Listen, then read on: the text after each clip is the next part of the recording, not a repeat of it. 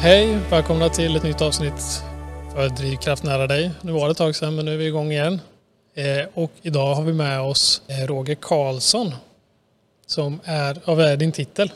Eh, idag är jag insatsledare kan man väl säga men jag ska nu gå en tillsynsutbildning också så då kommer jag få en annan titel sen men vad vet jag inte än. Nej, och jag kanske inte sa det nu men vi är på brandstationen här i Vimmerby. Eller säger man brandstationen säger man räddningstjänsten? Eller vad är rätta benämningen? Eh, Den yngre generationen säger räddningstjänsten, den äldre säger brandkåren. Okej, så jag är äldre alltså. Ja, Eh, och vi tyckte att det var lite spännande att vi fick vara här idag och vi är jättetacksamma att vi har ju lite, ni som tittar på det här kan ju se att vi är faktiskt i de här lokalerna. Vi tyckte att det var, ställde frågan och du sa att det var absolut inga bekymmer så det är jättetacksamma för att se hur det ser ut lite. Absolut. Och det är ju lite nybyggt med, eller i alla fall en del av det eller? Ja, Vimmerby kommun har ju gjort en jättesatsning på räddningstjänstens lokaler här och byggt efter konceptet friska brandmän då som de jobbar efter. Så vi har gjort en större omfattande ombyggnation av stationen här i Vimmerby. Ja det är ju superfint men eh, hur, länge har, hur länge har brandstationen legat här? Har du någon koll på historien där eller? Eh, ja, den här stationen vi sitter i idag vart färdigställd 1980. Okej. Och var var den innan då? Eh, då låg den eh, på, idag är det bara en parkering där, men där gamla Sibylla låg. Det är bara en tom plats idag, men där låg brandstationen för. Jaha. Häftigt. Hur stor var den då jämfört med den här? Eh, den hade fått rum här inne, ja. Ja. Betydligt mindre. Ja, jag förstår. Men eh, åter till dig då, din roll. Eh, vad, vad är din roll nu? Vad är dina arbetsuppgifter? Eh, jag har sedan nästan två och ett halvt år tillbaka börjat jobba heltid på räddningstjänsten i Vimmerby. Jag kan ju börja med att berätta att räddningstjänsten i Vimmerby är en deltidsorganisation. Det innebär att alla som jobbar som brandmän eller brandkvinnor har ett ordinarie jobb och rycker in vid larm. Så vi har ingen bemanning nattetid och helger här. Däremot har vi dagpersonal, fast anställd personal här. Och idag är vi nio stycken som jobbar här 7-4 måndag till fredag. Och hur ser de här deltidstjänsterna ut då? Är det olika procent eller har alla samma lika? Eller? Eh, om vi tittar på stationen i Vimmerby, där har vi i jour varje vecka med start måndag 07.00 till måndagen därpå 07.00 åtta stycken brandmän då som är deltidare. Okej. Och eh, vi är tre grupper idag och det innebär att man har jouren var tredje vecka. Året om. Men att leva på deltid är ju svårt.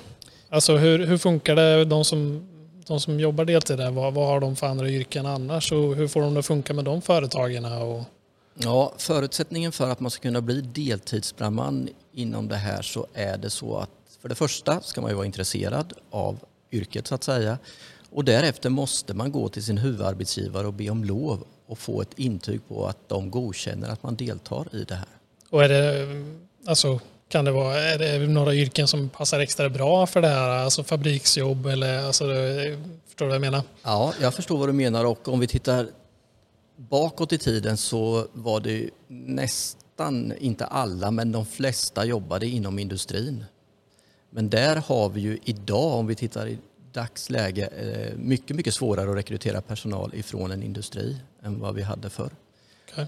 Och det är ju på grund av att Eh, industrin idag är rätt så komprimerad. Du har ingen som täcker din plats när du åker iväg på ett larm till exempel. Eh, förr hade man ju lite, inte överflödigt med personal på en industri, men det var mycket, mycket mer folk. Idag står ju kanske en person vid en digitaliserad maskin och sen åker den personen på ett larm, kanske en skogsbrand och är borta. Kanske upp till ett dygn, två dygn kanske. Och då är det ingen som hoppar in och tar den platsen. Så därför har det blivit svårare att rekrytera folk från industrin. Ja, det är klart. Det, det händer ju grejer. Vad, men, det, det finns inget yrke då som passar sig extra bra. Alltså, industri var det förr, men det är ingenting nu som är liksom... Skulle någon säga att ja, men jag vill jobba som brandman och jag behöver ha något annat deltidsjobb, vad, vad skulle kunna passa och få funka? Att jag är lättillgänglig och sådär. Ja, nej, men det är ju att ha en förstående arbetsgivare Det är där det som i. eh, eh, förstår vikten av det här att vi måste anställa och rekrytera deltidsbrandmän. Ja. Så vi har en jätteblandning på yrken inom kåren här. Det är skönt att höra att det, att det går att, att blanda liksom, eh, på det viset. Absolut. Hur kommer det sig att du fastnade inom räddningstjänsten då? Eh, jag gick med 2006 och det var av en kollega som fortfarande är kvar här. Han jobbar heltid här också. Vi jobbade på samma plats på ett företag här i Vimmerby och han frågade om jag var intresserad och sen eh, ja, testade jag och sen har jag varit kvar sedan 2006. Och var kom du ifrån innan då? Vad, vad för typ av yrke om man säger? Eh, just då när jag hoppade på det här så jobbade jag inom industrin. Ja, du gjorde det? Mm. Ja. Mm. Och var det kärlek vid första ögonkastet eller vad ska man säga? Eller vad? Jo men det var det ju. Det här blir ju den här gruppen man tillhör som jourgruppen som man säger. Man blir ju ett gott gäng som, ja typ om man ska jämföra det med lagidrott. Spelar man fotboll, hockey eller något så tillhör man ju sin grupp där och det är likadant inom räddningstjänsten. Mm. Men arbetsuppgifterna också? Eh, det är ju massor man kan eh, råka ut för här. Men sen är, är det lite så här att man eh, kommer till skadeplats, vad det nu är för olycka och sen måste man göra och fixa det så bra som möjligt för tredje man. Mm. Och eh, man får uppfinna lite grejer just där och då kanske. Men eh, då, där du började, eller om vi säger så här, när, när man ska bli brandman och man börjar, hur ser en sån intagning ut? Eller alltså, om jag säger att ja, men jag skulle verkligen vilja bli deltid, vart, vart börjar jag någonstans? Mm.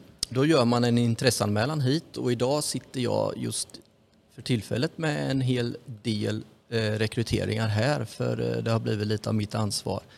Eh, då börjar man med att man kommer hit och då kör jag en presentationskväll för dem, berättar vad det innebär och vad de får, man får offra en hel del och något som vi trycker på väldigt mycket idag är ju det här att går du med i räddningstjänsten och hoppar på det här så går ju även din familj med i det här.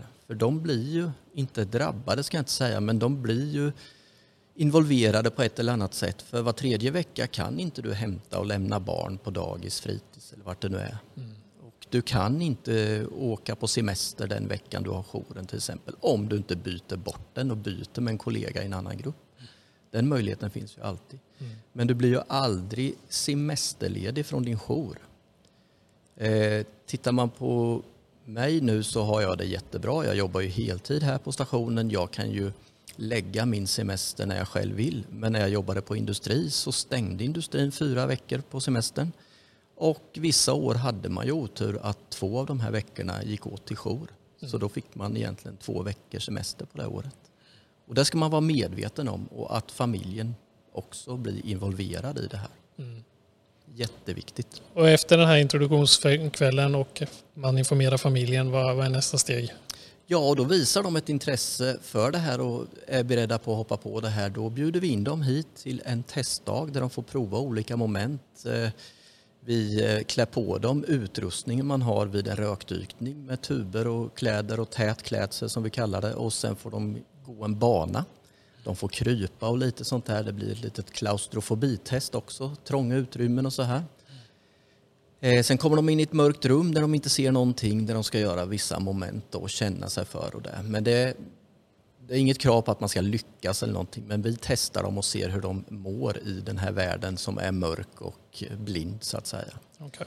Eh, därefter kör vi också ett höjdtest. Vi har ett höjdfordon som går lite över 30 meter rakt upp där åker vi upp och sen är vi med dem i korgen och pratar med dem och ser hur de reagerar på höjder och så här. Mm. Lugnt och fint. Sen eh, går vi bakom vår station där vi har ett övningsfält som vi har fem olika stationer. De får prova och kasta slang, springa, trycksätta slang och lite sånt här. Olika moment som kan förekomma i det här yrket. Mm. Och sen avslutas det här testet med en liten fördjupad intervju. Okay. Eh, därefter och de fortfarande är lika sugna som de var från början så kommer de eh, bli kallade på en läkarundersökning som vi skickar dem på och eh, då får de genomgå arbets-EKG och lite tester där och se att allt är okej. Okay, för det är ju väldigt fysiskt påfrestande det här jobbet kan vara emellanåt. Eh, är de okej okay därifrån så kommer vi anmäla dem till en utbildning genom MSB, Myndigheten för samhällsskydd och beredskap och den heter GRIB 1A 1B och sen blir det GRIB 2. Det är rätt så rörigt idag men eh, så är det. Så nu kommer vi skicka ett gäng här snart till Västervik ska de åka Och i höst kommer vi skicka ett gäng ner till Revinge i Lund. Okej. Ja. Men det här är de här första testerna som du nu gör efter introduktionen och när man väl kommer hit på de här första testerna om vi säger. Är det en, en hel dag eller är det uppdelat att man får komma några olika tillfällen eller? Vi brukar försöka slå ihop det också hur många vi har som söker hit då. Men annars försöker vi få det på en hel dag och då är varje person får två timmar. Mm. Som man lägger de här lite prova på grejerna. Eh, kan också säga det innan man går på den här läkarundersökningen så ska man ha ett godkänt rullbandstest och det är något eh, man gör varje år på varje anställd brandman. Och det görs över hela Sverige oavsett om det är en deltid eller en heltidsstation. Och då går man ett förprogrammerat program på rullbandet med rökdykarutrustning i en viss hastighet efter ålder. Men eh, när man börjar som ny så ska man alltid gå det här testet på en eh, hastighet som är 5,6 kilometer i timmen. Och testet varar i nio minuter. Och eh, säg att man då blir antagen eller att man klarar allt det här. Gör man sådana här tester under, alltså när man är anställd också så att man fortfarande klarar de här grejerna eller? Absolut, varje anställd brandman eh, får varje år en läkartid på Avonova som vi går till idag. Eh, och det blir ju en hälsotest och eh, innan man går dit så ska varje brandman göra det här rullbandstestet och ha med sig det godkänt och klart härifrån. Är det bara rullbandstest eller gör man några mer fysiska Nej, tester? vi gör inga mer fysiska tester än just rullbandet. Nej. Okej. Så ingenting här, man gör det tillsammans, att man liksom tränar ihop eller gör några sådana grejer? Eh, idag har vi en innebandytid måndagar som de kör. De som vill, det är frivilligt. Sen har vi ju ett eh, jättefint utrustat gym här uppe som de har tillgång till dygnet runt. Eh, sen läggs det ju in övningar varje år. Varje jourgrupp som har jouren den veckan, varje tisdag och sen kan det förekomma även torsdagsövningar. Så övar man varje vecka på olika moment. Okej. Och snart är det dags för belastningsbana. Då kör man ju en belastningsbana med personalen. Vad är det mer för sådana grejer man kan köra då? Det, Övningsmässigt Ja, tänker du på? precis. Ja, Ja. men om du tittar dig runt här där vi sitter så har vi ju mängder med olika prylar och vi måste ju öva på allting. Vi kan ju inte bara köpa in grejer och tro att det ska fungera själv. Mm. självgående. Eh, bakom dig Jakob, där har vi massa utrustning för eh, det vi kallar för ytlivräddning, där vi jobbar ute på sjön. Eh, räddningstjänsten i Vimby kommun har ju ingen dykarsektion så eh, vi jobbar ju bara med ytlivräddning, det vill säga att vi jobbar ovanför vattnet. Okej. Men till vår hjälp har vi bland annat en jättesnabb båt, vi har en vattenskoter och lite annan utrustning. Mm. De är inte med i bilden nu tror jag, men de, de är här Mm. bredvid mig. Allt ser väldigt välpolerat och fint ut. Eh, så det, det är väl lite underhåll med allt där också. att Hålla det Absolut, och sen måste det vara ordning och reda på allting i och med att vi som här på stationen i Vimmerby är vi tre skift som jobbar. All, var sak har sin plats så att man ska kunna det här. Och, Mm. eh, ja, Och den känslan får man när man kommer hit. Alltså det ser ju väldigt välpolerat ut och ordning och reda och så. här. Jag förstår att det måste vara så. Eh, Men hur är det utrustningsmässigt? Har ni allting ni behöver? Får ni de medel som, eh, som krävs? Eh, det tycker jag vi får med råge tänkte jag säga, men vi har jättefin utrustning och bara titta på en som deltidsstation så är vi väldigt välutrustade här i Vimmerby kommun. Det känns ju tryggt. Absolut. Men alla de här- medlen, eh, den inte har, vem har det? Är det till exempel Hultsfred som har dykning eller vad har, eller vi vi kan säga så här, har ni samarbeten med andra? Eh, Vi har ett jättegott samarbete med Västervik och Hultsfred bland annat så vi tre kommuner jobbar väldigt mycket tillsammans. och hur ser de samarbetena ut rent praktiskt liksom? Eh, Vår räddningschef Peter Helge som är räddningschef här i Vimmerby, han jobbar ju även i Västervik som operativ chef där. Så eh, det är gott samarbete där och eh, idag jobbar vi med något som heter DRH, dynamisk resurshantering, det vill säga att går det ett larm så kommer SOS titta på vilken enhet som är närmast och sen slår man larmet på den enheten. Så idag är ju gränserna, kommungränserna i stort sett bortsuddade. Så vi jobbar över gränserna. Och det är ju någonting som, som jag tyckte var viktigt som vi redan har pratat lite om. Eh, just det här att man kanske som invånare vill veta hur långt bort är ni liksom? Ja. Händer det någonting? Alltså jag förstår att man inte kan säga något exakt men jag vill, nu har du chansen att ge trygghet till alla som lyssnar. Absolut, absolut. Eh, om vi ska säga så här, i den, den bästa situationen så går larmet om någonting som har hänt, en brand, trafikolycka eller vad det nu kan vara. Mm. Då har vi som deltidsorganisation en anspänningstid och i Vimmerby har man fem minuter. Vart man nu än befinner sig, om man är på jobbet, ligger hemma och sover eller någonting så går larmet. Så ska man på ett skyndsamt och ett säkert sätt ta sig ner till stationen och klä om och eh, ta den bilen som behövs.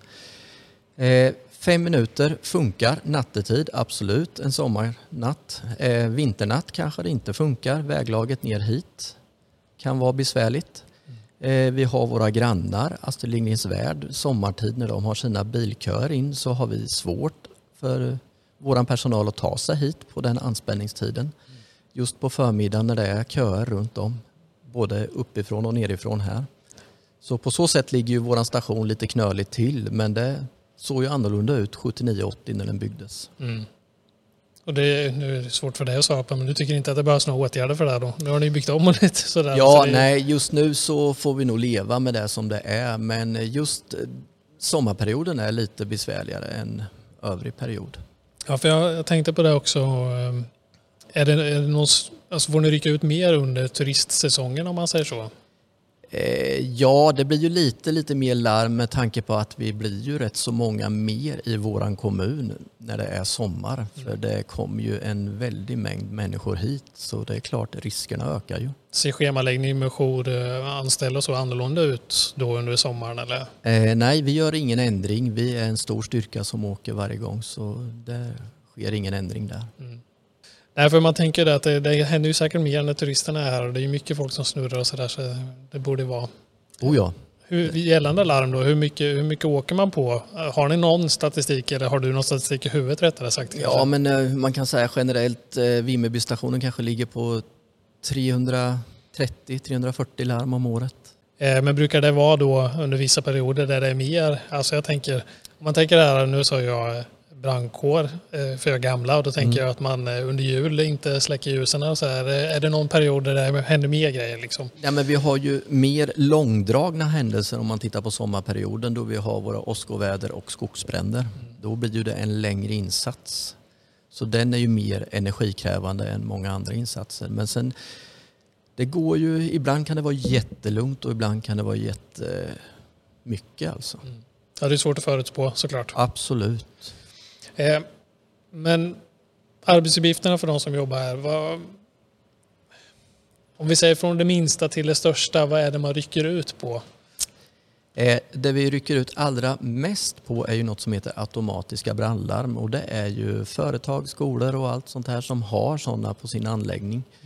Och det är ju ett larm som går direkt till SOS och de skickar vidare larmet. Så det är ingen intervju eller någonting när man ringer in till SOS. Det är ingen som ringer in det larmet. Det går som ordet automatiskt. Okay. Pang säger det.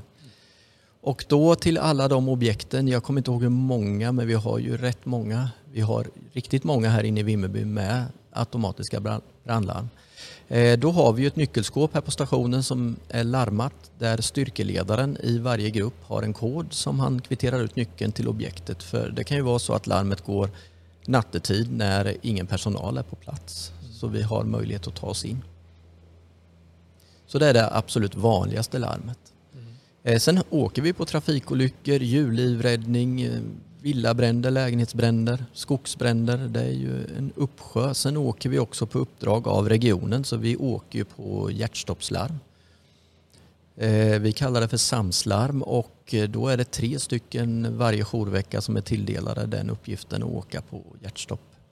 Vuxen som barn. Mm. Och hur mycket sådana utbildningar får man gå årligen? Som, eh, för jag tänker hjärt och lungräddning och sånt där, det är ju uppdateras hela tiden känns det som eh, att man ska gå nya utbildningar och sådär. Eller har jag fel? Nej, det uppgraderas var fjärde år så HLR-rådet, hjärt och lungräddningsrådet där, de gör ju nya riktlinjer var fjärde år så den senaste var nu 2021 så nu går det fyra år innan det kommer något nytt. Men det gäller fortfarande det här klassiska 30 kompressioner och två inblås på vuxen så att säga. Mm. Men eh, gemene brandman får ju en utbildning varje år att vi testar allihop en gång om året avlägger de ett prov för eh, Vi kör ju den vanlig HLR kör vi ju på patienten. Sen har vi ju en DEF och sen har vi även syrgas som vi kan ge. Något annat har vi inte på räddningstjänsten som vi kan hjälpa den drabbade med. Mm. Och se sådana här grejer, alltså jag tänker olyckor och hjärt och lungräddning och sånt där. Hur mycket eh, psykisk påfrestning är det för de, för de anställda, nya som gamla? Liksom? Finns det någonting man kan göra eller liksom förbereda sig på? Eller?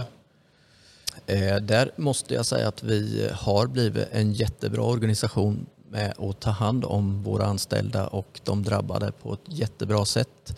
Längre tid tillbaka så åkte man hit, gjorde sin insats, vad det nu kunde ha varit man var med om och sen bara tackade man för sig och åkte till jobbet eller åkte hem. Man pratade inte om det, man stängde, la locket på bara.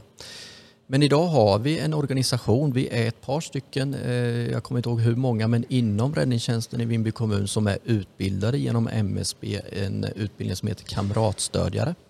Där man eh, har gått en utbildning på en dag tror jag det är. Eh, som då eh, ja, tar tag i det här direkt efter en olycka där man anser att här behöver vi sitta ner och prata och debriefa så tar man kontakt med någon av kamratstödjarna så samlas man och pratar.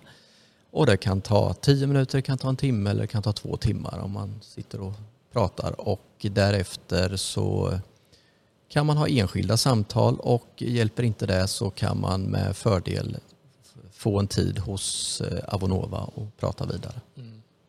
Och när vi ändå är på ämnet när vi pratar om, om sådana tunga grejer för att eh, jag kan tänka mig att det är många som kan tänka sig att bli deltidsbrandman men är orolig för kanske de här tyngre sakerna man stöter på. Vissa ser det kanske som ett driv att man, eh, att man vill hjälpa till i den här situationen och vissa känner en oro att klarar jag verkligen av det här? Finns det något, eh, eller ska man säga, kan du säga någonting om det, vad man kan förbereda sig på eller vad man kan vänta sig? Eller? Det, där, det där är jättesvårt att säga. Tänk på det här och tänk på det här och tänk på det här. För Egentligen så är det ju dagsformen hur du själv mår som människa innan du råkar ut för det här. Vissa dagar kanske man känner att man klarar allting men sen kanske det har varit något struligt på jobbet, hemmet eller något som man bär med sig och just den dagen är jag mer mottaglig för det här än vad jag hade varit om det hade varit en normal dag så att säga. Så det är jättesvårt. Men en grundregel är ju att mår man dåligt så ska man eh, prata om det och åtminstone göra sitt befäl eller någon kollega uppmärksam på att det här tog jag illa vid mig. Mm. Sen kanske man inte själv orkar att gå och be om ett samtal men kollegan eller chefen eller vem det nu kan vara kan ju snappa upp det då. Så att det är jätteviktigt att själv säga att det här får jag illa av. Och det kanske är en bagatell för de andra kollegorna men just jag mådde dåligt av det här. Mm. Har du någon egen sån erfarenhet? Du behöver inte säga vad det gällde men första gången det var något dramatiskt kanske fel ord, men första gången det var riktigt jobbigt, eh, känner du att ja, jag reagerade nog som jag tänkte ja. att jag skulle göra? Nej, men det är jättesvårt att säga så, men däremot så kan man däremot bli förvånad att varför reagerar jag inte mer på det här? För det här var ju rätt så otäckt alltså. Mm. Och man blir lite rädd. Eh, har jag blivit så hårdhudad? Men eh, det är ju så. Man, man tar ju på sig en roll när man åker i det här med. Jag brukar berätta det när jag håller HLR-utbildningar att det här att en person framför dig faller ihop och du ska påbörja HLR, det är ju väldigt, väldigt speciellt alltså. Det är ju inte alls någon härlig miljö att vara i. När vi på räddningstjänsten får ett larm om ett hjärtstopp, då hinner vi förbereda oss. Vi, åker, vi vet ju vad det är vi ska åka på. Vi har de här fem minuterna. Vi åker med kollegor som vi vet är utbildade också. Mm. Så det är en jättetrygghet alltså. Men sen är det som sagt var dagsformen, hur man mår och ja. Jag kan tänka mig att det blir lite tunnelseende, att man, man vet man, varför man är där och vad man ska göra och det, det, man ser till att man är där för att göra sitt jobb. Liksom. Så att, eh. Ja, och någonstans får du en trygghet när du klär om till ditt larmställ, din, eh, din roll. Du kliver in i någonting och du vet att du omger dig av kollegor. Om jag åker som åttonde brandman så har jag sju stycken som jag vet jag kan lita på och de har samma utbildning som mig. Mm. Ja, och ha den tryggheten med att kunna prata med dig alltså om det efteråt som du säger och även ha sina kamrater med sig som stöttar dig hela vägen också. Det måste också vara en, en trygghet. Jag tänker till de som är sugna på att söka och fundera lite på de här tyngre grejerna. Mm. Eh, och det här lagspelet som du sa. Ja. Eh, är jätteskönt att veta. Ja. Hur, eh, alla fordon, hur många fordon har ni i hallen här? Hur många aktiva fordon? Vad säger man? Ja, nej, men alla fordon som står här i den här vagnhallen vi sitter i är aktiva allihop. Eh, idag har vi tyvärr en som har blivit sjuk som har fått åka till Södertälje. Vår stegbil har fått något större problem så mina kollegor har varit och lämnat den i Södertälje för reparation så den är tagen ur tjänst just nu, därför en lucka här borta. Okay. Men annars har vi ju, vi har ju en basbil, det är ju den släckbilen vi kallar den, den är ju alltid utrustad med fem man, går ju på den på samtliga olyckor kan man säga. Eh, sen har vi ju en bil som heter 5060, där har vi våra klippverktyg, vi har eh, saneringsutrustning, vi har till djurlivräddning. Det är en sån bil som vi har jättemycket grejer i som är jättepraktisk. Sen den bilen vi sitter jämte här är vår tankbil med, jag tror det är 10 kubik vatten i. Som är väldigt perfekt att ha vid skogsbränder och sånt här. Mm. Sen har vi lite småbilar. Den ena bilen här den åker vi på hjärtstopp med, samslarm. Den andra bilen här så eh, åker vi på kanske vattenlivräddning så drar vi båten efter den och sådär. Sen har vi ytterligare en basbil som vi har som reservbil för går våran släckbil sönder så måste vi ha en omgående. Eh, sen har vi inte pratat någonting om eh, våra ytterstationer som det kallas för räddningstjänsten i Vimmerby har ju inte bara stationen i Vimmerby. Eh, I Södra Vi har vi en brandstation som bemannas av fyra stycken brandmän dygnet runt. I Rumskulla har vi en brandstation som bemannas av tre stycken brandmän dygnet runt. I Tuna har vi en brandstation som bemannas av tre stycken brandmän dygnet runt. Och slutligen i Locknevi har vi något som heter ett brandvärn. Det innebär att där har vi idag tio aktiva personer som har anmält sig frivilligt. De har ingen inställelseplikt på larm när larmet går. Men i tid och möjlighet, om de har möjlighet att rycka in så gör de det och de är guld värda där ute i Locknevi alltså. Mm. Just sommartid när vi har åskstråket därutöver och det blir en del händelser där med skogsbränder så har ju de här personerna en fantastisk lokalkännedom. Och eh, skulle inte någon där vara beredd på att hoppa in just där och då så är det ju stationen från Vimmerby som åker och då har vi ett stycke ut alltså. Mm. Så det är en jättetrygghet när man kommer ner hit och få höra att de har kvitterat larmet i Locknevi också. Då vet vi att vi får ögonen på branden i tidigt skede. Mm. Ja, det är jättebra att du tar upp. Jag tänkte inte på Jag vet att det finns, mm. Eh, men jag tänkte inte på det faktiskt, måste jag säga. Ja, men det, det känns ju tryggt. Ja. Ännu mer brandmän. Absolut. Um, om vi säger, har du någon, um, någon personlighets eller de, de som jobbar som brandmän, har de något gemensamt personligen tror du? Någon eh, personlighetsdrag som, som eh, alla besitter? Eh, ja, det skulle väl vara det här omhändertagandet. Mm. För det är ju det vi gör. Det är ju där vi ska ju hjälpa tredje part här och det, då gäller det att ha empati. Är det den eh, största egenskapen man bör ha om man söker också? Eller? Det är jättesvårt att säga men sen, man ska ju passa in i en grupp. Man kan ju inte vara en enstöring. Då, då blir det svårt att vara med här. Mm. Du måste ju ändå ha ett visst socialt kapital när du går in. Att du kan förstå människor. Mm. Men de eh, brandmännen då, förutom att rycka ut på larm, vad gör man annars? Nej, men då kommer vi till det här som är väldigt viktigt inom vår organisation. Det är ju det förebyggande arbetet och idag jobbar vi på lite olika plan här. Bland annat på stationen här så utbildar vi ju folk i HLR, det vill säga hjärt och lungräddning. Och vi håller också en utbildning i brandskyddsutbildning som det heter. Och eh, det vi siktar på nu är att utbilda framförallt alla som är anställda i Vimmerby kommun, vilket vi håller på med. De har fasta tider, de kommer hit och går HLR och brandskyddsutbildningen. Eh, sen eh, jobbar ju räddningstjänsten väldigt mycket med tillsyner. Idag är det Roger Linder som jobbar med det och sen ska jag själv hoppa på det tåget när jag har gått min utbildning nu som jag har påbörjat precis. Mm. Tillsyner innebär ju att man åker ut och tillsynar verksamheter, tittar så att de har ett bra brandskydd på sin verksamhet att personalen är kunnig och är de inte det och är lite osäkra så får de jättegärna komma hit och då brukar Roger tipsa dem om att anmäla sig och gå en, framförallt en brandskyddsutbildning. där man berättar lite om vad gemene man kan göra vid en händelse och vad man kan göra för att förebygga branden och så här. Eller olyckan kan man säga. Mm. Så det är en väldigt viktig del i räddningstjänstens arbete just att jobba förebyggande.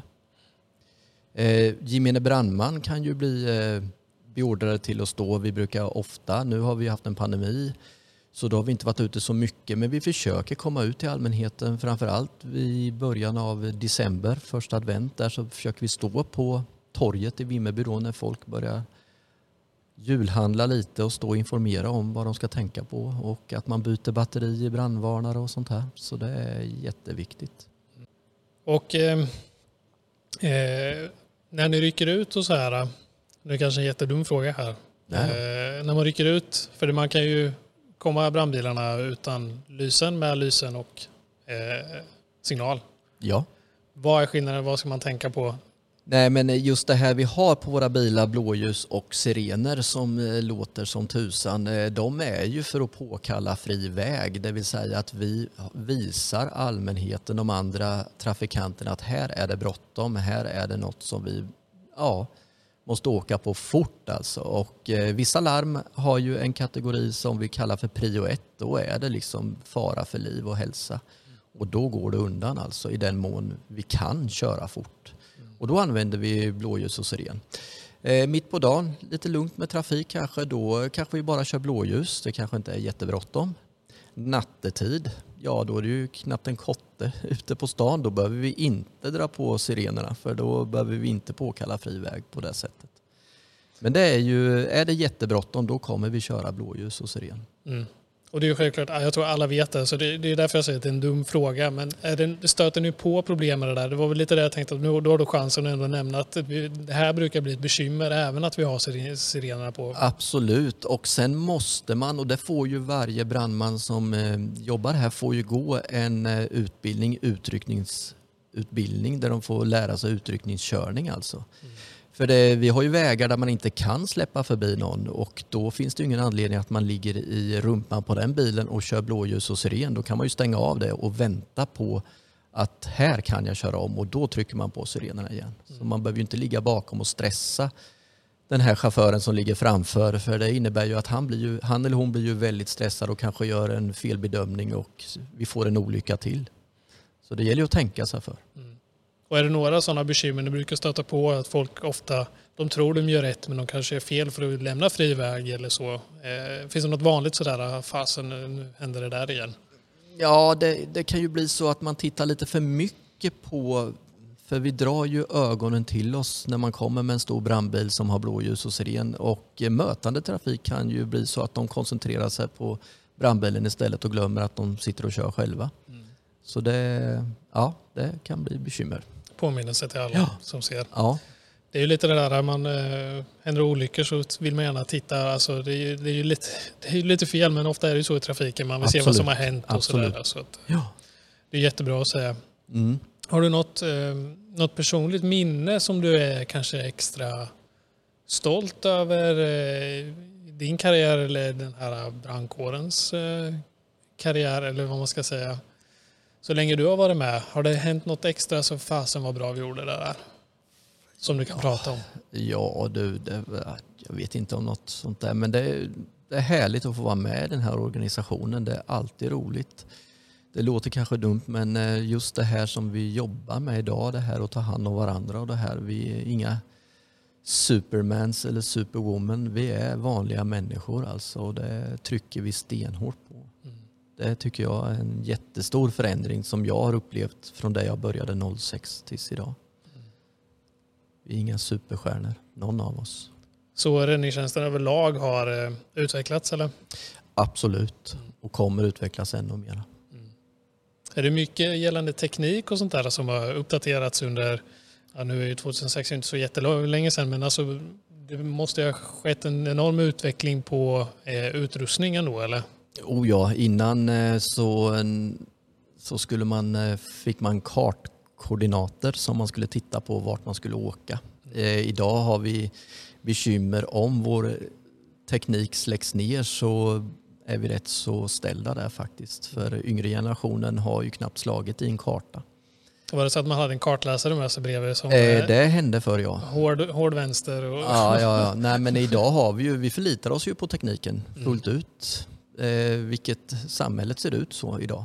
Så vi har ju GPSer i våra bilar och den tänker ju åt oss, den berättar vart vi ska. Men funkar inte den här så blir det rätt tyst i bilen. Mm. Så det, ja, det är en, funkar det så är det jättebra. Mm. Då är det toppen. Har det hänt några ex, alltså extra stora grejer i Vimmerbytrakten alltså som ni har behövt rycka ut på? Något, eh, något utöver det vanliga?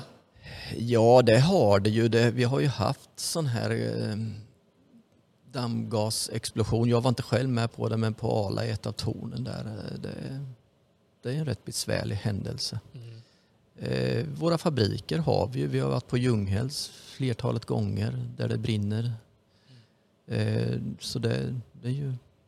Det blir, Några skogsbränder som har varit extra stora? Eller? Eh, Ja, det har inte jättestora har vi inte haft, men eh, vi har, de är ju besvärliga oavsett om den är stor eller liten. Innan man kommer runt branden och får grepp om den så är den ju besvärlig. Behöver man helikopterassistans då? Eller? Eh, Idag har vi det ju jättebra här i Sverige. Sen de här större bränderna norröver så har ju Sverige tagit beslut att vi får helikopterstöd. Eh, Jag hade en händelse förra sommaren var det i, utåt Tuna till där när jag sitter ut som befäl och är på väg ut dit så kvitterar sig en massa styrkor att de är på väg till samma händelse och rätt som det så får jag på radion att två helikoptrar är i området och har påbörjat vattenbombningen utan att vi har begärt på det. Det kommer med automatik idag.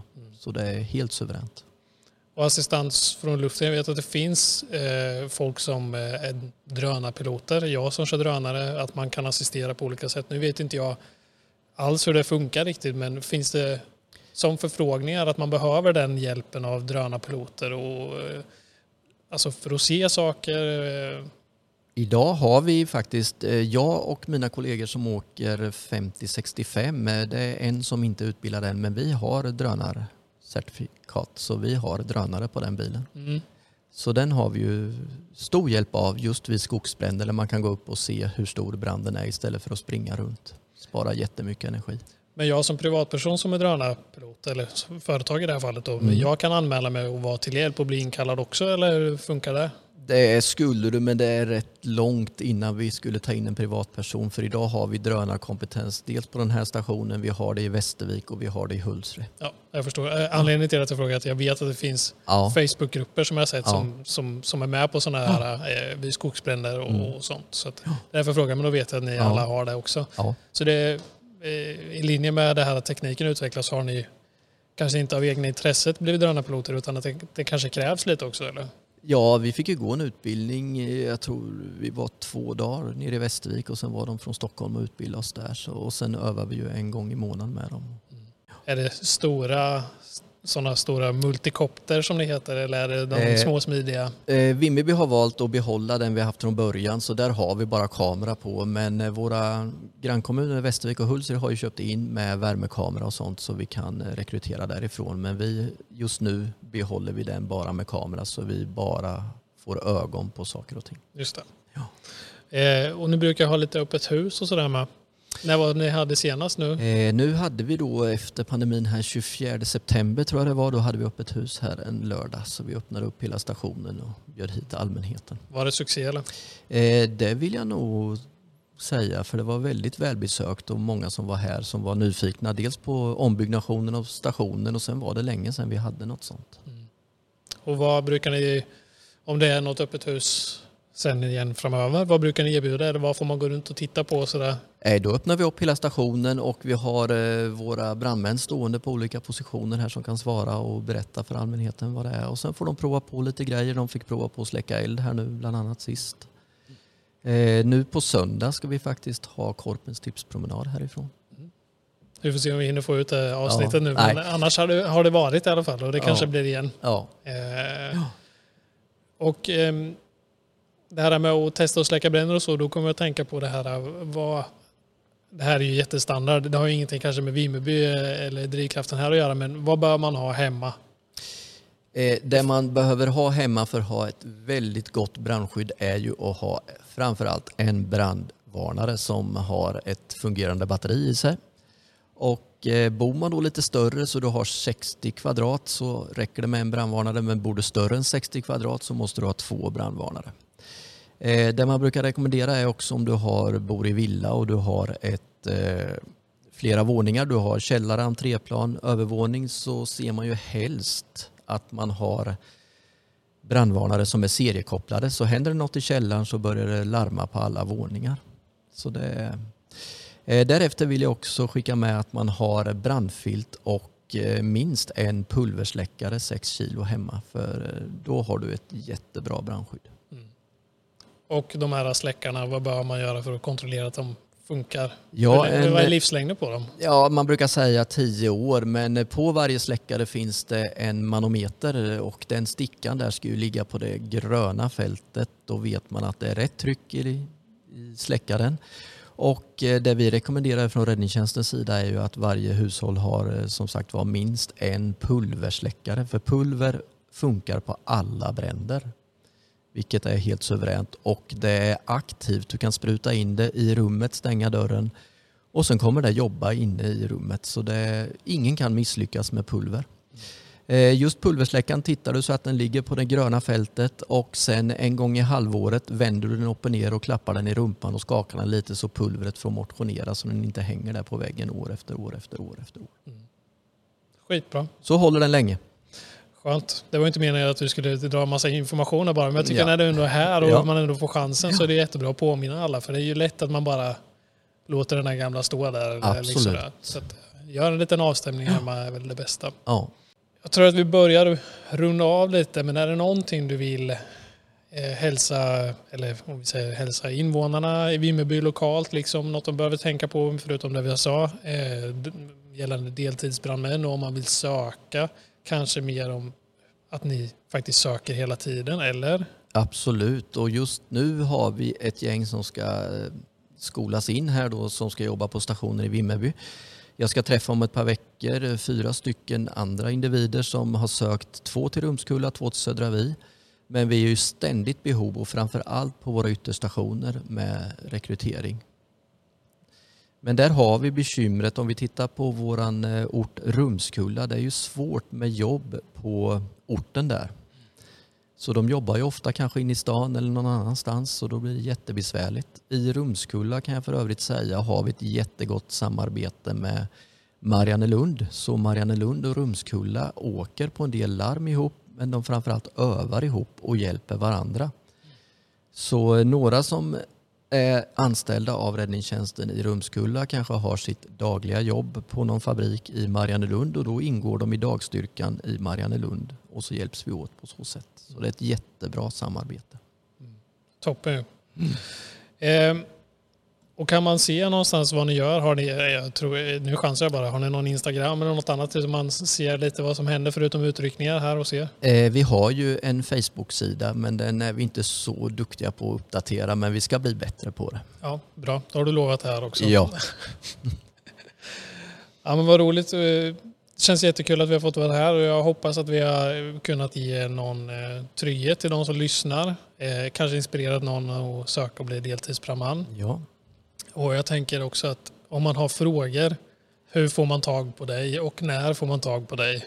Eh, Men det är bara att ringa kommunens växel och begära på Roger Karlsson eller prata med någon på räddningstjänsten så kommer ni i kontakt med någon av oss i alla fall. Och man är välkommen att komma hit Absolut. på besök. Det, absolut. Vi är alltid bemannade här måndag till fredag 7 till 4.